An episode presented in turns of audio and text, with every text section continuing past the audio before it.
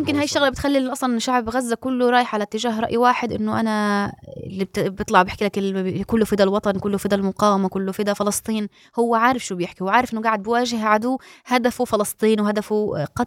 إنهاء على القضية الفلسطينية. فهو بفضل يموت في بيته و- فهو بحاول يوصل له رسالة إنه هيك هو من جواته مجروح من جواته مكوي من جواته محروق حرق من الألم اللي عاشه من جواته بت بت بتجرع ألم ولا يمكن إنسان يتحمله. إنه الإنسان يشوف أولاده قباله ميتين مؤلم الشعور مؤلم مؤلم المشهد مؤلم جدا. مش ممكن لو لو لو جبل لانهار من كتر ما هو مؤلم الشعور. أنا بحكي لك عن من حدا مجرب. مش مش سهل إنك تشوف حدا أنت عايش معه العمر كله قبالك مستشهد فما بالك لما يكون عائلتك كلها مستشهدة كل أهلك رايحين. لما واحد يحكي لك أنا بيتي قعدت 40 سنة عشان أبنيه. عارف إن شأن 40 سنة واحد قاعد طول عمره يحاول يبني بيت لإله ولأولاده وكبر وصار عنده وده يجوز أولاده وخلص وحاس حاله ارتاح. بلش إيش يستقر؟ إنه صار في عنده بيت ل... للعيلة. وأمن لأولاده شيء للمستقبل يروح كله بلحظة. يقول لك معلش فدا فلسطين. يمكن بتعرف هذا المشهد الرجال الكبير بيحكي لك. كله كله فدا فلسطين عشرات المشاهد. فهذا زي زي هيك مش انت بتخيل إنه هو لا مش مجروح لا هو. انت شفت ال- ال- الصوت كيف كيف مخنوق وهو بيتكلم لكن هو عارف إنه الاحتلال معني يكسره ومعني ينهي لكن فهو هو بخبي ض- بخبي بكاء آه بخبي ه- هذا بحكي هذا بحكي صمود أهل غزة. أهل ولا يعطي فرصة للاحتلال إنه يتشمت فيه آه، ويكسره. عندهم قوة رهيبة في إخفاء جروحهم وإخفاء ألمهم وإخفاء صرختهم في. مقابل ولا يخلي عدو يشمت فيهم. الأستاذة هدى نعيم الصحفية والناشطة الفلسطينية أهلا وسهلا في الجسر بودكاست. أهلا فيك. في البداية طمنينا على الأهل الوالد والأهل جميعا في غزة. آه والله واحد بيحكي الحمد لله مثل ما بيحكي كل أهل غزة الحمد لله على كل حال. آه بس حالهم من حال غزة يعني خوف ورعب و... وتعب. ومثل ما حكى الوالد لسه اليوم يعني قبل كم من ساعة برسالة من أسوأ الأسوأ الظروف الإنسانية اللي هناك يعني. لكن الحمد لله. والدكتور فضل نعيم طبيب جراح كان في مستشفى الشفاء. هو بيشتغل في مستشفى الأهلي المعمداني. نعم. طبيب جراحة عظام رئيس قسم جراحة العظام وحتى الطبيب الوحيد المتواجد لفترة يعني كان طويلة هو الموجود وحيد هناك. بعدين التحق فيه الدكتور غسان أبو ستة وبالأمس سافر الدكتور غسان أبو ستة رجع على على بريطانيا. بريطانيا. نعم. لكن اليوم الحمد لله كان في مجموعة من الأطباء اللي كانوا في مستشفى الشفاء لأنهم يعني خرجوا قسرة من مستشفى الشفاء راحوا على المستشفى الأهلي يعني بيساندوا وبيشتغلوا هناك. على الرغم إنه هي أصلا مش شغالة بشكل رسمي يعني الاحتلال مش سامح بشتغل انه أي مستشفى تكون شغالة في غزة. لكن هم هناك بيستقبلوا حالات جرحى بتيجي من المحيط من المستشفى في حالات أصلا إصابات موجودة في المكان فشغالين يعني بحد بالحد الأدنى. رغم نقص كل الإمكانيات بيشتغلوا باب ايقاف النزيف إنقاذ روح بهذه الطريقة. شو الصورة اللي بنقل لك إياها الوالد من خلال التواصل معه؟ والله أنا متعودة أسمع صوت بابا يعني حتى لما الواحد بده يكون مضغوط نفسيا أو محتاج سند أو محتاج دعم في الحياة فبنستمده من أنا شخصيا بستمده منه من صوته هو. لكن للأسف يعني يوم عن يوم بلشت أحس أنا نفسي أتأثر لأنه أنا بعرف بعرف بابا هو الشخص اللي, اللي هيك صلب شوي عنيد وعنده عنده قوة شخصية وتحمل لكل الظروف. يعني بتمر في ظروف كتير صعبة. يعني ممكن أحكي لك إيش أصعب من إنه يستشهد ابنه لكن ضله ثابت وهيك. لكن في هاي المرة لا ال- الألم اللي بيمر فيه والظروف الصعبة اللي بيعيشها كطبيب أكثر من طاقته. يعني لما يتخير إنه إنه يختار أي أي إصابة تعيش أي إصابة اللي ممكن أي مصاب يختار هو اللي يختار يخليه يعيش وهذا يموت. والتنين بالنهاية لهم حياة ولهم قصة ولهم عيلة ولهم ناس أحباب بيستنوهم. خيار كتير صعب وتجربة كتير صعبة على على طبيب. يمكن هو حتى حكى المرة الماضية بكى بكى على طفل عمره ست سنين إجت بكسر مفتوح. كسر مفتوح يعني العظمة خارجة من من الإيد. وسبتوها ببلاتين من دون من دون حتى بنج ولا وهي بتعيط بدها أبوها وأمها. وبابا عارف إنه في الخارج أبوها وأمها شهداء موجودين. فبيحكي أنا لأول مرة ش- بكى بقول بكيت ما عرفت ما عرفت شو أعمل. مش عارف لا يخفف ألمها. أنت بتخيل طبيب طفلة ست سنين زي حفيدته يعني هي. يعني تخيل زي حفيدته قاعدة مش قادر يخفف عنها لا الألم ولا حتى يجيب لها أبو ولا يجيب لها أمها ولا حتى أي ح- حاجة جنبها. ف- فالألم اللي بيعيشوه جدا صعب. في المقابل نقص إمكانيات كتير كبير. يعني لما تجي صبية عمرها 20 سنة حامل أول طفل إلها وأنت متخيل شو يعني صبية حامل؟ يعني عروس جديدة وعندها بيبي بيستنوه كانوا العيلة وكيف كيف الأجواء هاي؟ لكن بده يحكي لها إنه أنا حتى تبقى على قيد الحياة أنا مضطر إنه لأن ما عنديش إمكانيات أنا طبيب جراحة عظام وفيش إمكانيات غير إني مثلا نستأصل الرحم والجنين يعني يموت لأنه لسه بالشهر السادس أو الخامس تقريبا. ويعملوا عملية إجهاض للجنين و- ويستأصلوا الرحم ل- ل- ل- لصبية عمرها 20 سنة. مع أنه في المقابل إصابتها جدا بسيطة كان ممكن تتعالج بأقل الإمكانيات لكن للأسف ما, ما فيش إمكانيات. فيضطر يختار هيك خيار أو ياخذ هيك خطوة. كتير مؤلمة وكتير صعبة. على الطبيب أكثر من انك تحكي له إنه لا إنت صار عندك إشي أو في بيتك صار إشي أو أو هو ينقص عليه بيحكي أنا مش مشكلة. التلوث اللي بيعيش التلوث في الطعام نقص الأكل نقص الشرب إنه ما بينامش. كل هذا ما بيشكيش منه. يعني بنسأله طب بتنام؟ قال مش مش هو المشكلة. يعني إحنا بضلهم تقريبا صحيين أكثر مدة نوم ساعتين. ولا مرة شك إنه أنا عسان ولا أنا تعبان ولا أنا جعان ولا أنا مشتاق أشوف البيت. هو من يوم ما بلشت الحرب ما رجعش على البيت يمكن غير مرة واحدة. في أول العدوان. بعدها أبدا ما وصلش البيت. كل همه إنه يقدر يساعد أو يعمل هاي الشغلات وفي المقابل عاجز كمان. ومش ملاقي مش لاقي يعني كل اللي بحاول يسعى يعمله أو يصلحه أو ي... قادر بحكي أنا قادر أعمل هيك بس ما عنديش إمكانيات. لما يجي واحد عنده نزيف على الدماغ هو عارف لو عنده أداة بس صغيرة بيعرفوها الأطباء. يعني التقليل النزيف اللي على الدماغ كان ممكن يعيش هذا المريض. لكن أداة بس أداة واحدة بتحول بين إنه الإنسان هذا يعيش أو يموت. وأنت بتحكي عن إنسان يموت مش يعني خلص روح وعدد زي ما إحنا الناس للأسف تعودت إنه شهيد اثنين ثلاثة عشرة مية. بتحكي عن إنسان عن حياة عن تفاصيل عن عائله بعد هذا الإنسان مش حتكون زي ما قبل هذا الإنسان. عن صبية ترملت. عن عن طفل ملوش ابو بعد هيك عن عن كثير تفاصيل. إحنا ك... ك... كالناس جربنا معنى الفقد. بتعرف شو يعني؟ أنا أخوي استشهد في 2008 في, في 2009 في الحرب 2008 في 4 1 2009 كم سنة مرت؟ أنا كم صار عمري؟ وشو عشت بعد هاي الأحداث؟ لكن اليوم أنا مش عارفة أتجاوز هذاك اليوم ولا عارفة أتجاوز هذا الفقد. وهو أخويا. فما بالك لما وحدة تترمل آه، طفل يعيش من غير أبو. آه، ام تعيش تربي ابنها يعني تعرف كيف إنه هو بنكون لما تكون حامل فيه. تعرف بتفكر بأصغر التفاصيل. إحنا عندنا في غزة يمكن الناس ما بتعرفش هاي التفاصيل عن أهل غزة. إحنا في غزة عندنا الوحده لما تكون حامل بتعرف بتكون تفاصيل بتجيب نوت بتكتب فيها أنا شو عشو توحمت توحمت فيك ماما على بوزة. أنا حبيت هاي الشغلة وإنه أنا اخترنا اسمك أنا وأبوك لأنه كان هيك هيك. سميناك على اسم فلان. أول يوم مشيت فيه بتكتب له. اليوم ضحكت أول ضحكة. كثير أنا من صحباتي عندنا هاي التفاصيل بنعيشها وبنعملها. فأنت بتحكيش عن واحد آه، آه، شفته هو بيمشي شفته هو بيقع شوف سهرت جنبه بعدين فجأة هذا الطفل يروح. يختفي هيك من الحياة. فأنت بتحكي عن غير لما بدك يكبر ويصير شاب. أنا بطلع في ولادي اليوم هدول الولدين كبروا وصاروا فجأة بدي أتخيل حدا بده مني هيك لأنه خلص قرر. مش لأنه والله إنه بعيد الشر مثلا مرض ولا بعيد الشر حادث لا إرادي مثلا صار لا. لأنه في واحد عايش قاعد في تل أبيب بقول لك أنا اليوم بدي أقتل هدول الناس. بدي خلص أنهيهم. بزعلك لما يجي حد يحكي لك معلش ما غزة ولاده وبتجيب إن شاء الله أولاد بعدين. مش إحنا مش مش عارفه مش أعداد مش أعداد إنه بنروح 50 بنجيب 50 بكرة. لا إحنا هدول ال 50 اللي راحوا وال 100 اللي راحوا وال 11 12 ألف الشهيد راح كل واحد منه حكاية كل واحد منه قصة كل واحد منه تفاصيل. كتير كتير يعني ولا يمكن الزمن أنا كثير ناس تحكي لك لا معلش اصبروا الزمن كفيل ينسي الزمن مش كفيل بحاجة. فهيك جروح الزمن مش كفيل بحاجة. ابدا. بالعكس أنت بتزوج صاحب أخوك اللي استشهد بتصير تطلع طب أنا مفترض كان أخوي يتزوج. بيجي عيد ميلاد أخوك اليوم مفترض كان عمره صار هالقد. إيه بتشوف صاحب أخوك بكرة صار عنده طفل. أنا كان مفترض أخوي صار عنده طفل.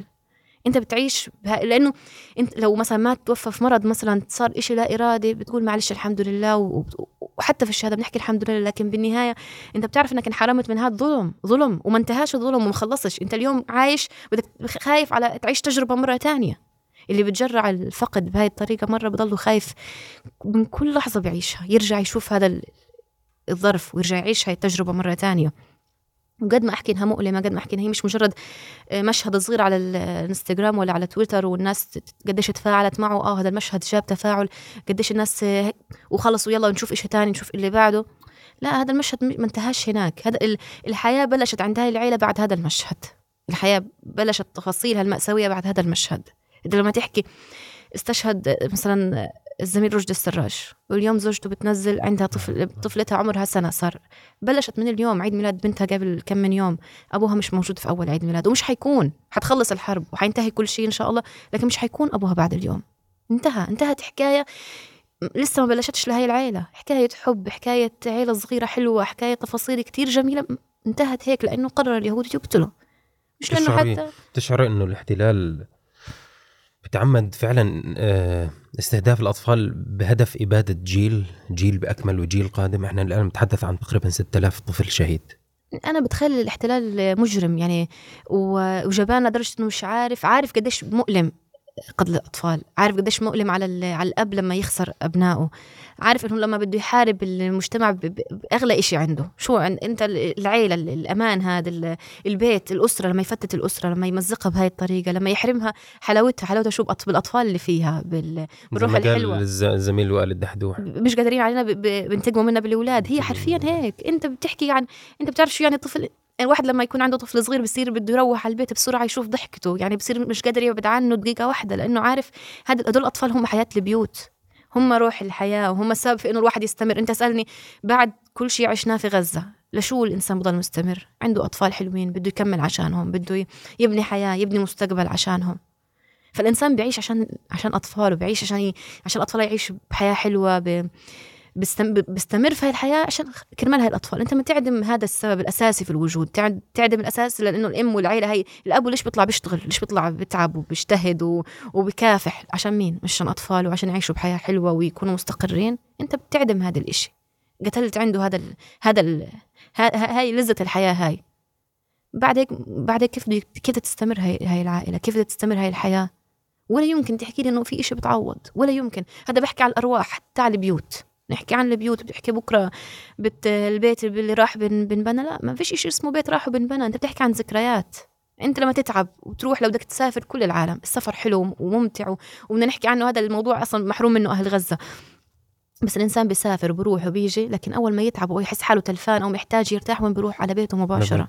بسكر حاله باب البيت بلم نفسه بيرتاح بعدين بيطلع. حتى هذا الامان اللي والدفء اللي موجود في هذا البيت اتاخذ من الناس انسلب من الناس. الذكريات الماضي. انت لما أنا لما أول ما نزلت غزة مباشرة رحت على بيتي وطلع بالتفاصيل. آه هنا هيك هنا ابني مشي هنا أول خطوة هنا قعدنا هنا كان غرفة نومه هنا سريره. هاي الذكريات بتخلينا عارف كيف بنضلنا عايشين. الانسان من دون ماضي ملوش حاضر. فأنت بتعيش بهذا بجمال هذا الماضي بضلك مستمر وبدك تعمل آه بدك تكمل في هاي الحياة وتبني كمان ذكريات. ترجع بعد شوية تختفي هاي أنا بتخيل يعني اليوم اليوم الثاني لانتهاء الحرب. إن شاء الله يا رب تنتهي على خير وسلام ونصر إن شاء الله. يعني الناس بس تطلع للشوارع وتشوف حجم الدمار وتشوف الوضع اللي اللي صاير إنه المدينة مسحت بالكامل. أنا بحكي لك على على تجربة مش مسحت. أنا غبت عن غزة رحتها في 2020 الزياره كانت في فترة الكورونا رحت زيارة. ورحتها جديد قبل الحرب ما تبدأ بشهر. يعني قعدت الصيف كله هناك. مجرد أنا مشيت في شارع الوحدة كان هناك في برج. ما شفتوش لما لما كنت لما طلعت من غزة كان موجود البرج. اللي هو لما وائل الدحدوح بحكي انهار البرج. بس هيك جيت في الشارع لسه أول ما طلعت شفت المكان فاضي. عارف يعني جتني غصة في قلبي خفت. يعني عارف في في رهبة وفي وجع. معالم المدينة لما بس برج واحد راح منها بتجع القلب. أنا يومها بكيت كانه كأنه بيتي. لأنه بالنسبة لي هذا رمز كان هيك, كانت المدينة حلوة. هنا في فراغ هنا في فراغ. تمشي بالشارع الثاني طب ما هنا كان في عمارة وين راحت؟ هنا مش موجودة. هنا كان في مسجد مش موجود. شوف هاي بس الفراغات الصغيرة اللي أنا بعد كم سنة يعني بعد ثلاث سنين من الزيارة الأخيرة وصارت مش موجودة عملت لي عن جد صدمة كانت. وهي بس هاي الفراغات اللي ناقصة. فأنا مش متخيلة كيف الناس حتصحى ثاني يوم الصبح بعد الحرب بدها تشوف في شيء شيء في شوارع في بيوت. عندك أكثر من 50% من البيوت في غزة انمسحت بالكامل. 50% بتحكي عن نص بيوت أهل غزة انمسحت بالكامل غير اللي أصلا متضررة كمان صعب السكن فيها. يعني أنا ما أحكي لك الشعور جدا صعب. أنا عن نفسي جربت هذا الشعور في الحرب 2008 بعد طبعا عايشت أربع حروب. أربع حروب آه في الميدان كمان. كنت أشتغل صحفية فترتها. في 2008 استشهد أخويا في الأربعة واحد 2009 في الحرب 2008 فبعد ما استشهد بكم من ثالث ثالث ثالث يوم طلبوا منا نخلى البيت وطلعنا وحكوا لنا ننقصها في البيت. يعني هي حتى الشقة كانت في برج والشقة بس لحالها انقصفت. فتاني يوم بعد ما انقصفت رحنا نشوفها ونشوف إيش بدنا ناخذ أغراض. فأنا واقفة على باب باب الشقة هيك قبالي كلها لونها سكني ممسوحة مسح. هيك واقفة صرت أحكي أنا بكره إسرائيل. هيك هيك بس بحكي يعني. كان عمري لسه أنا كنت عمري 17 سنة. فبحكي أنا أنا بكره إسرائيل. فهو بيحكي يابا كلنا بنكرهها. قلت له لا ما حدش بكرهها أنا بكرهها. يعني أنا امبارح ده أخويا مودعاه أخويا الكبير اللي يعني أكبر مني بسنتين. واليوم بدي أشوف كمان بيتي اللي هي كان آخر ذكرياتي مع أخويا فيه مش موجودة. فأنت عدمت أخويا وعدمت الذكريات اللي بينه وبينه. فوقفت بتحكي أنا بكره إسرائيل. وحسب شعور عارف نار نار جواتي. أنت بتحكي عن بيتي عن غرفتي. مفتتة فيش فيها أي معالم. هاي النار كلها راح ترتد على الاحتلال. فأنت جواتك نار بت- مش ممكن أحكي لك لليوم مش قادره مش قادرة تنطفي جواتي. حتى أقول لك 7 أكتوبر صارت أنا بحكي لو بدنا أكثر من 7 أكتوبر حتى أنت بتحكي عن شغلات كتير خسرناها كتير شغلات دفعنا ثمن كتير كبير.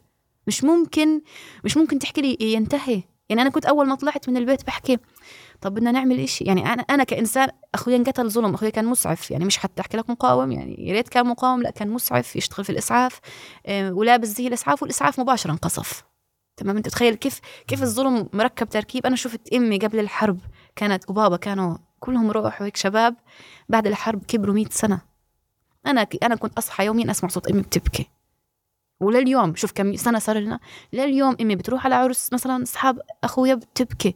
جرح جواتهم عمره عمره عمره ما بيلتئم عمره ما بيخلص عمره ما بينتهي. بدك تحكي لي إنه لا بتعوض؟ لا ما بتعوضش. ولا البيت بتعوض.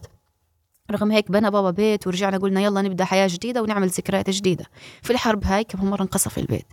أنت متخيل الشعور اللي الإنسان بيعيشه مش قادر يحافظ على ذكريات خمس سنين. من كل كم من سنة بده يخسر اللي قاعد بيعمله. إحنا فينا أصدقاء صديقنا ياسر عاشور يعني بالجولة الأخيرة اللي قبل الحرب هاي يعني بيته متهدم وانقصف صحيح.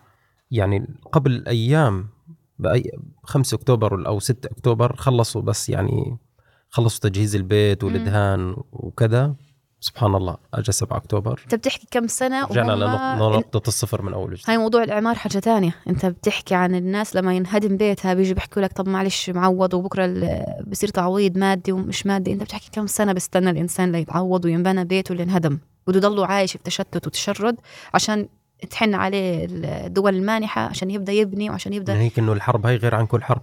أنت شتي. يعني أربع حروب يعني شو بتقدر شو بتختلف صراحة عن- قبل الحرب هاي كنت كنت فكر حالي عايشة اللي ما بنعاشش وشايفة اللي بنشافش أنا اشتغلت في الحروب ال- اللي صارت في غزة في الميدان في مستشفى الشفاء كان مكاني وكنت داخل الأقسام داخل قسم الاستقبال بصور وأشتغل مع وزارة الصحة ومؤسسات صحفية تانية. فكنت أوثق كل شهيد. يعني كاد أجزم ما فيش شهيد دخل مستشفى الشفاء في الحرب ال 2012 و2014 ما فيش شهيد دخل المستشفى اللي أنا موثقاه بالصورة. يعني بحكي حتى كل مشهد وداع دخل داخل مستشفى الشفاء أنا شاهدته. فكنت أفكر نفسي إنه أنا هذا يعني اللي عشته مش ممكن حدا يعيشه. وانت بتحكي عن آخر حرب شفتها كانت 2014 من 2014 لليوم أنا مش قادر أتجاوز اللي شفته. كثير بفكر في الصحفيين والشباب والناس اللي قاعدة بتشاهد المشاهد قدام عينها والصغار لما أشوف ولد صغير واقف على جنب وقاعد بشوف صغار قاعدين بتكفنوا. أنا عن نفسي مش أنا مش شايفة المشهد بس هيك أنا شايفة هذا الولد بكرة إيش بده يصير فيه. خليني أرجع معك أحكي لك أنا أول مرة شفت فيها إنسان مستشهد. كنا إحنا عايشين أصلا في تركيا زمان. كان والدي بيدرس هندطب ونزلنا على غزة في 2003 كنت يعني بصف ثالث ابتدائي تقريبا أو رابع عفوا صف خامس ابتدائي. فيومها كان في اجتياح لحي الشجاعية واستشهد ابن عمي. كان ماخذ رصاصة هنا في المنطقة هاي قناص قتله. ولسه أنا تعرف ما بعرفش ولا شيء بعرف عن بعرف إسرائيل وفلسطين وفي احتلال وهيك. ترباية عايشين طول عمرنا برا ومش كتير مطلعين على التفاصيل هاي غير إنه آه قضية فلسطينية واحتلال وهيك. فيومها أنا إجت الجنازة وحاملين شهيد وعارف كيف رهبة الصراخ والصوت والناس والناس بتصرخ. أنت أول مرة تشوف أنت مش قادر تستوعب شو اللي بصير. صار لي في غزة كنت شهرين لسه ولا شايفة ولا بعرف إشي عن عن الموت. وفي حياتي ما شفت حدا ميت أصلا قبالي. في حياتي أنا كنت لو بدي أشوف بس قبالي يعني كنت أخاف أدخل في تروما إنه يعني إنه كيف في حاجة هيك. فيومها وقفت نصيب. أنا مش عارف كيف النصيب. أنا هي يعني هيك بالضبط اتخذت زي زي هذه الطاولة. أنا واقفة على رأس اتخذت من هان وبنت صغيرة فالناس متجمهرة فوق وهيك وأنا واقفة ش- حاسة المكان. لليوم أنا بحكي معك وأنا كأنه في مشهد قبالي مش شايفة وجوه الناس بس أنا شايفة قبالي شاب كان امبارح في الغ- بيته في باب بيتنا مباشرة هيك. امبارح كان قبالنا بيطلعوا بينزلوا وناكل اسكم وهيك كان عمره 18 سنة. ف... فهو متمدد هيك وحاطين له العصبة على راسه وفي جروح هنا تحت العصبة مبين. فأنا تعرف كيف بمد إيدي وبد يعني بدي ألمسه بس في رهبة في رهبة الميت ب- بمد إيدي هيك وبرجع خايفة أمسكه. يعني طفل أنا شو بدي يفهمني أشوف جثمان شهيد أو إنسان ميت زي هيك. فمع زحمة الناس حدا خبط إيدي من وراي زي هيك إجت إيدي على راسه. بس يعني لا إرادي أنا يمكن قعدت فترة ولليوم بحكي لك رهبة الموقف هاد لليوم مش قادرة أتجاوزها. لليوم أنت طفل صغير يشوف هيك مشهد مش سهل مش سهل ابدا ولا يمكن يعيش بعده طبيعي. كان عمري بصف خامس ابتدائي لليوم لليوم بحكي لك لما أتذكر هذا المشهد برجع بعيش كأني عايشة فيه كأني الآن موجودة فيه. فانت بتخيل الاطفال لما يجي يشوف قاعد قباله أطفال جثث مفحمة وأطفال مفتتة و... و... وشتامين ملفوفة قباله. هدول الأطفال كيف بده يعيشوا بعد هيك؟ بعيدا عن موضوع لسه بنحكي عن الإعمار والبيوت لا بحكي عن الطفل هذا اللي جواته. مين بده يعمر الدمار اللي جواته هذا؟ هينا كبرنا. مين بده مين بده يعوض العمر كله أنا عشته هذا؟ أنا في في 2008 في الحرب الأولى تاني تاني مشاهدة كانت لي اللي هو أخويا. أنا أخويا كنا قاعدين في البيت قبلها بكم من ساعة وطلع ولبس وطلع بده يسعف الشهداء. أرجع ألاقي أخويا قبالي في المستشفى. أنا بحكي لك أنا هذا المشهد اللي إحنا بنشوفه وداع الناس في المستشفيات والصدمة اللي بيعيشوها. مشهده بيعدي لكن أنا بحكي لك أنا نفس المشهد رحنا على المستشفى ندور عليه وفيش سيارات وفيش قطعوا فيش بنزين فطلعنا مشي من تل الهواء منطقة تل الهواء لمستشفى الشفا. كنت أعتبرها مسافة طويلة كنت فكر حالي عايشين إنه عشنا أزمة كبيرة. نحكي من تل الهواء لمستشفى الشفا ماشي تقريبا ساعة. الناس بتروح الآن من من أقصى الشمال بيتحنون للوسطى مشي. على على الأقدام. فمشينا مشي والطيارات وصوت والقصف في كل مكان. عشان نفسك بس حدا يحكي لك إنه مصاب. نفسك تلاقيه. فأنت بد... واقفين عند الباب بدور بين الأسماء. إيش اسمه؟ أنس نعيم. دور دور. لا فيش. فبيجي واحد ورا بقول له في الدفتر الثاني عارف عن الدفتر الثاني عند دفتر الشهداء.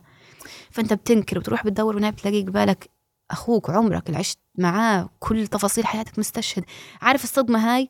تحس حالك كانك لو إنك انحرقت حرق ولا تاخذ هيك خبر. ولا يمكن يكون سهل. فأنت متخيل لما ام تروح تلاقي أولادها شعب نحكيها شعب غزة قوي قوي في فكرة إنه يخفي مشاعره ويخفي النار اللي جواته يخفي قدام الإعلام قدام التصوير. كلنا بنحكي فضا فلسطين ومؤمنين إنه فضا فلسطين لكن جواتنا نار بتنطفيش وبتطلع على شكل 7 أكتوبر.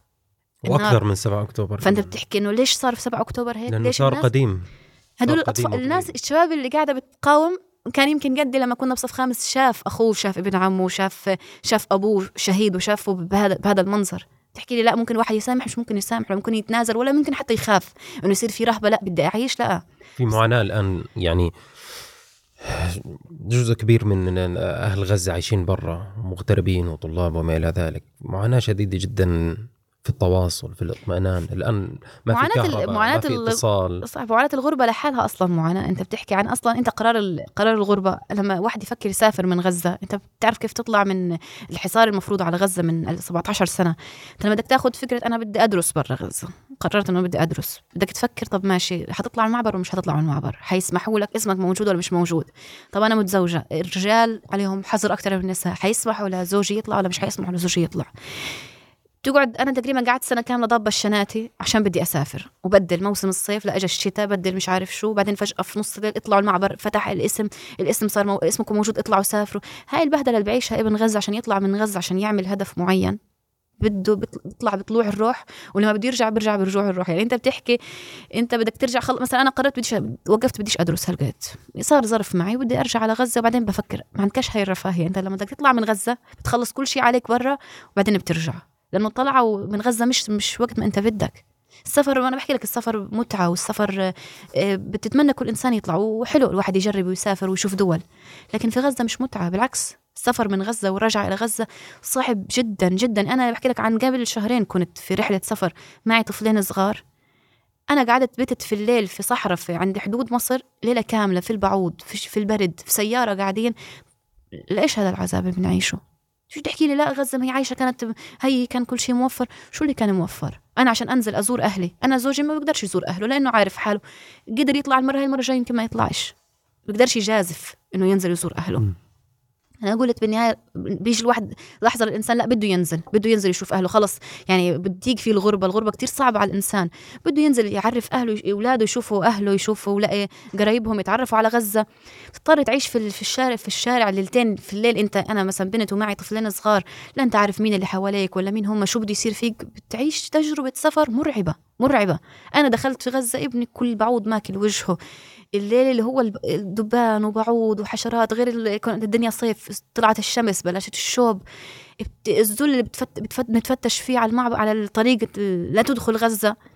بتكره الساعة اللي أنت فكرت فيها تسافر. بعدين بتعيش في غزة بتيجي بت... دخلت غزة الحياة أقول لك صراحة رغم كل المأساة والظروف الصعبة اللي. بتمر فيها غزة لكن فيها حياة.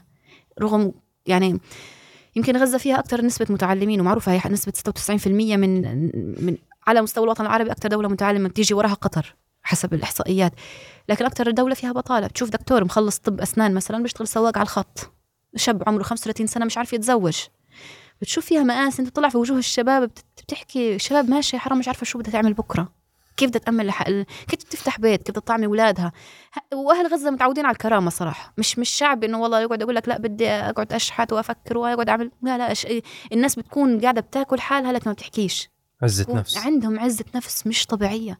يعني على عارف على الدائرة ال- الأولى تاعتك. تيجي تحكي لهم طب مثلا محتاجين لا لا أبدا. في الحرب أنا بحكي مع أهلي أنا عارفة البنوك مسكرة بعرف إنه وضعهم مادي جدا مرتاح وبعرف إنه عندهم كل شيء بس بعرف إنه الب... الب... البنك مسكر ما فيش سيولة فبنسألهم في ناس بيحكوا إنه ممكن نحول لكم فلوس. لا لا أبدا تقلقوش علينا. أنت بتخيل بتحكي مع بحكي مع والدتي بحكي مع أختي. و- وأنا طول عمري مثلا أنا بستعين فيهم. أنا بدي أقول لهم أنا بدي يعني بعد الحرب بدي أرجع آخذ الفلوس هاي. فقال لا ما تقلقش ما أمورنا تمام. ما عندهم حتى بين بعض إحنا في الدائره الأولى بينهم عز عزة نفس مش طبيعية مش ممكن يعني تتخيلهاش. بيكون واحد مش قادر عارف يعالج ابنه الصغير. لكن معلش بيضغط على حاله بيعمل بيشتغل شو ما كان شو ما كان يشتغل ولا يقول أنا محتاج. الآن كيف الناس آه، هدى بتاكل وبتشرب؟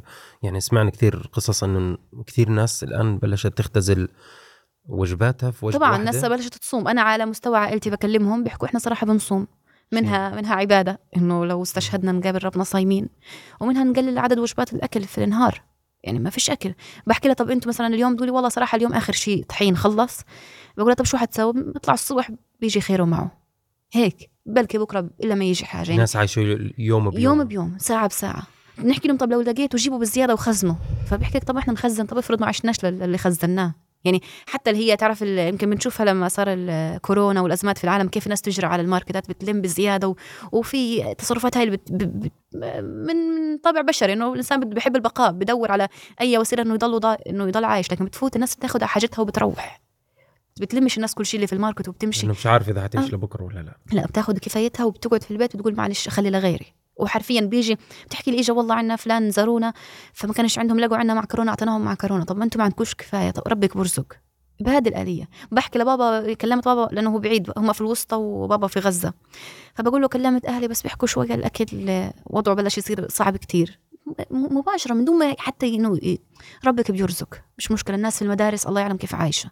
المهم هم بين أربع حيطان مستورين فأنت متخيل الناس بتفا هيك بت- بتطلعوا بهاي المعاناة بها- بهذا ال- بهاي الطريقة. بقول لك لا معلش ربك بيرزق ال- الناس التانية وين عايشة؟ شوفي كيف عايشين شوفي إيش بيعملوا. ب- في حلول آه، في حلول بديلة بتحاول الناس تصنعها هم تقريبا بيعيشوا. تعرف كيف مثلا أنا بحكي لأختي على موضوع المية. طب المية كيف؟ أنا كانت عندي مشكلة مع المية لما نزلت زيارة على غزة إنه في في تلوث المياه أصلا أزمة أصلا من, أصلا ال- قبل من الأزل. معروف آه. ومن سنوات طويلة يعني جداً. أنا في في الزيارة اللي قبل هاي والزيارة هاي كنت أحكي لهم عن جد يعني لما بدي أرجع تركيا بس الهدف الأساسي أروح أشرب مية لأنه عن جد الواحد عطشان إنه يشرب مية يشبع. بيشرب عشان خاطر إنه بس يروي نفسه. فاليوم تحكي لك حتى هاي المية اللي كنا نحكي عنها سيئة مش موجودة. تحكي أنا بشرب المية والله شايفة فيها أشياء شايفة فيها أشياء بتتحرك شايفة فيها هيك مش صافية. لكن بشربها على قد إنه أنا بس إنه أسد ان أنا عطشانة. يعني أنا أختي نفس الكلمة اللي حكيتها بتقول لي هدى نفسي تخلص الحرب عشان بس أشرب مية. عشان أنا عن جد عطشانة. يعني بتخيل تفاصيل هاي. بتحكي مثلا تصحى الصبح أنت بتروح على ال... تجيب خبز بتلاقي واحد ببيع لحمة. طب ما فيش خبز. طب طب ليش؟ لأنه هذاك عنده كان عنده خروف ولا عنده عجل في البيت. راح ذبحه وقلبه من طعم الناس. فالواحد بيروح ممكن يفطر لحمة بس ما يلاقيش خبز. بعد يوم ما يلاقيش أصلا حتى اللحمه مش موجودة هاي. ففي تناقضات عجيبة في غزة. في تفاصيل بتحسها كتير كتير صعبة. من العدم بيعملوا حياة من العدم بيحاولوا. موضوع الخبز بخلص ال- بخلص الحطب بخلص ال- الخشب بدوروا بأي وسيلة. لو كان في البيت مثلا مصنوع عريشة من الخشب كسروها وبيستخدموها اليوم. بقول لك بنستخدمها بكرة بنحل هاي الموضوع لأنه هاي بتخلينا موجودين بتخلينا ن- والآن دخل آه. الشتاء ذروته لأن الشتاء هذه مأساة تانية الشتاء والبرد لحاله في غزة. قبل الحرب أنا بحكي لك حرفيا والله أنا زرت غزة في الكورونا في شهر 12 كنت بشتغل على اللابتوب في بيت تخيل إحنا في البيت والبيتنا يعني يعتبر في كل الامكانيات لكن كنت بشتغل على اللابتوب إني أطلع أحط إيدي تحت حرام أشتغل في إيد بدي أنزل إيدي أشتغل من كثر ما هي الدنيا باردة باردة. إيديك بت... إيديك بتجمدوا بتجمدوا وأنت ب... وأنت قاعد في بيت بين أربع حيطان. فاليوم الناس مش في بيوتها. في اليوم. الناس في العراء حرفيا. حتى خيم مش موجودة. الناس عاملة من الحرامات سواتر من أكياس نايلون سواتر من من أسرة ال- اللي في المستشفى فيها زي الملايات لل- للاسره بتستخدمها تربطها تستر حالها بس. يعني حتى اللي هي الخيمة المفهوم خيمة مش موجود. فأنت متخيل التفاصيل؟ لما تحكي لي لما يكون كم ألف بني آدم عايش في في مدرسة فيش فيها حمامات ولا فيها إمكانيات؟ وتنقصف. وتنقصف فيش فيها أمان كمان أنت متخيل؟ ويرجع بعد ما تنقصف يرجع يقعد في المدرسة هي ما عندوش خيار تاني ما عندوش غير إنه يضله قاعد فيها. ما في مهرب ما, ما في ما في مكان آمن. فيش مكان آمن فيش أي مكان. أنت بتحكي أنا مثلا في في بيتي في غزة أجت عائلة استخدمته تقريبا كم من يوم. بعدين ترددوا راحوا على على جهة الانصراط. شاب عريس جديد مع زوجته أمه وأبوه. راحوا على انصراط مو... نفس اليوم اللي وصلوا فيه انقصفوا استشهدت زوجته. كانت أول شيء حامل في الشهر التاسع أشهدت الجنين وهي ضلت في العناية المركزة. بعدين استشهدت استشهدت إمه. وهو الشاب انشل شلل كامل. تخيل أنت بتحكي هو هرب من غزة للمنطقه الآمنة.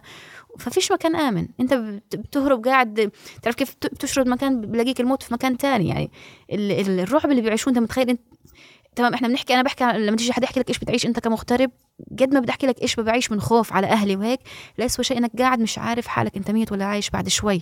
الصواريخ بتنزل قاعد تستنى إنه يجي دورك. أنت قاعد بتحضر حالك كل شوية مع الموت. بتعمل بروفا لل... إنه أكيد حموت ولا مش حموت؟ لا أنت طلع- طلعت من هاي الليلة الليلة اللي بعدها. أنت حرفيا قاعد بتعمل بت... ب- في كل لحظة بتشوف حالك إنك عندك جاي جاي دورك. والموت له رهبته. لأن الناس ما الناس ما بتحب ما حدش بيقول لك تماما إحنا مؤمنين إنه بالنهاية بعد هذه الحياة في شهادة وفي عفوا في جنة وفي وإن شاء الله ربنا وعدنا بالأجر الشهيد. لكن الناس ما بت- ما حدش بيسحب نوم بيقول لك أنا نفسي أموت والله. لا الناس بت- بتحب الحياة وبتحب تعيش. وخصوصا أهل غزة رغم كل قلت لك الظروف اللي بيعيشوها ونقص الإمكانيات لكن بيحبوا الحياة بطريقة يعني بتروح مثلا عيد ميلاد الطفل الصغير بيعملوا له تفاصيل. ب... انت في, في, في تركيا ما شفتش. أنا في شغلات في تركيا ما, شفتهاش زي ما شفتها في غزة. قلت لهم أنتوا والله عايشين تفاصيل اللي مختر... اللي في تركيا مش عايشينها. اللي هو الأعياد الميلاد الطلعات الجمعات العيلة. اللي هي اللي إحنا محرومين منها هنا في في الغربة.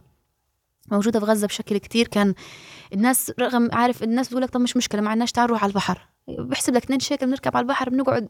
اللمة هاي بساطتها بحلاوتها بحب الناس لبعض.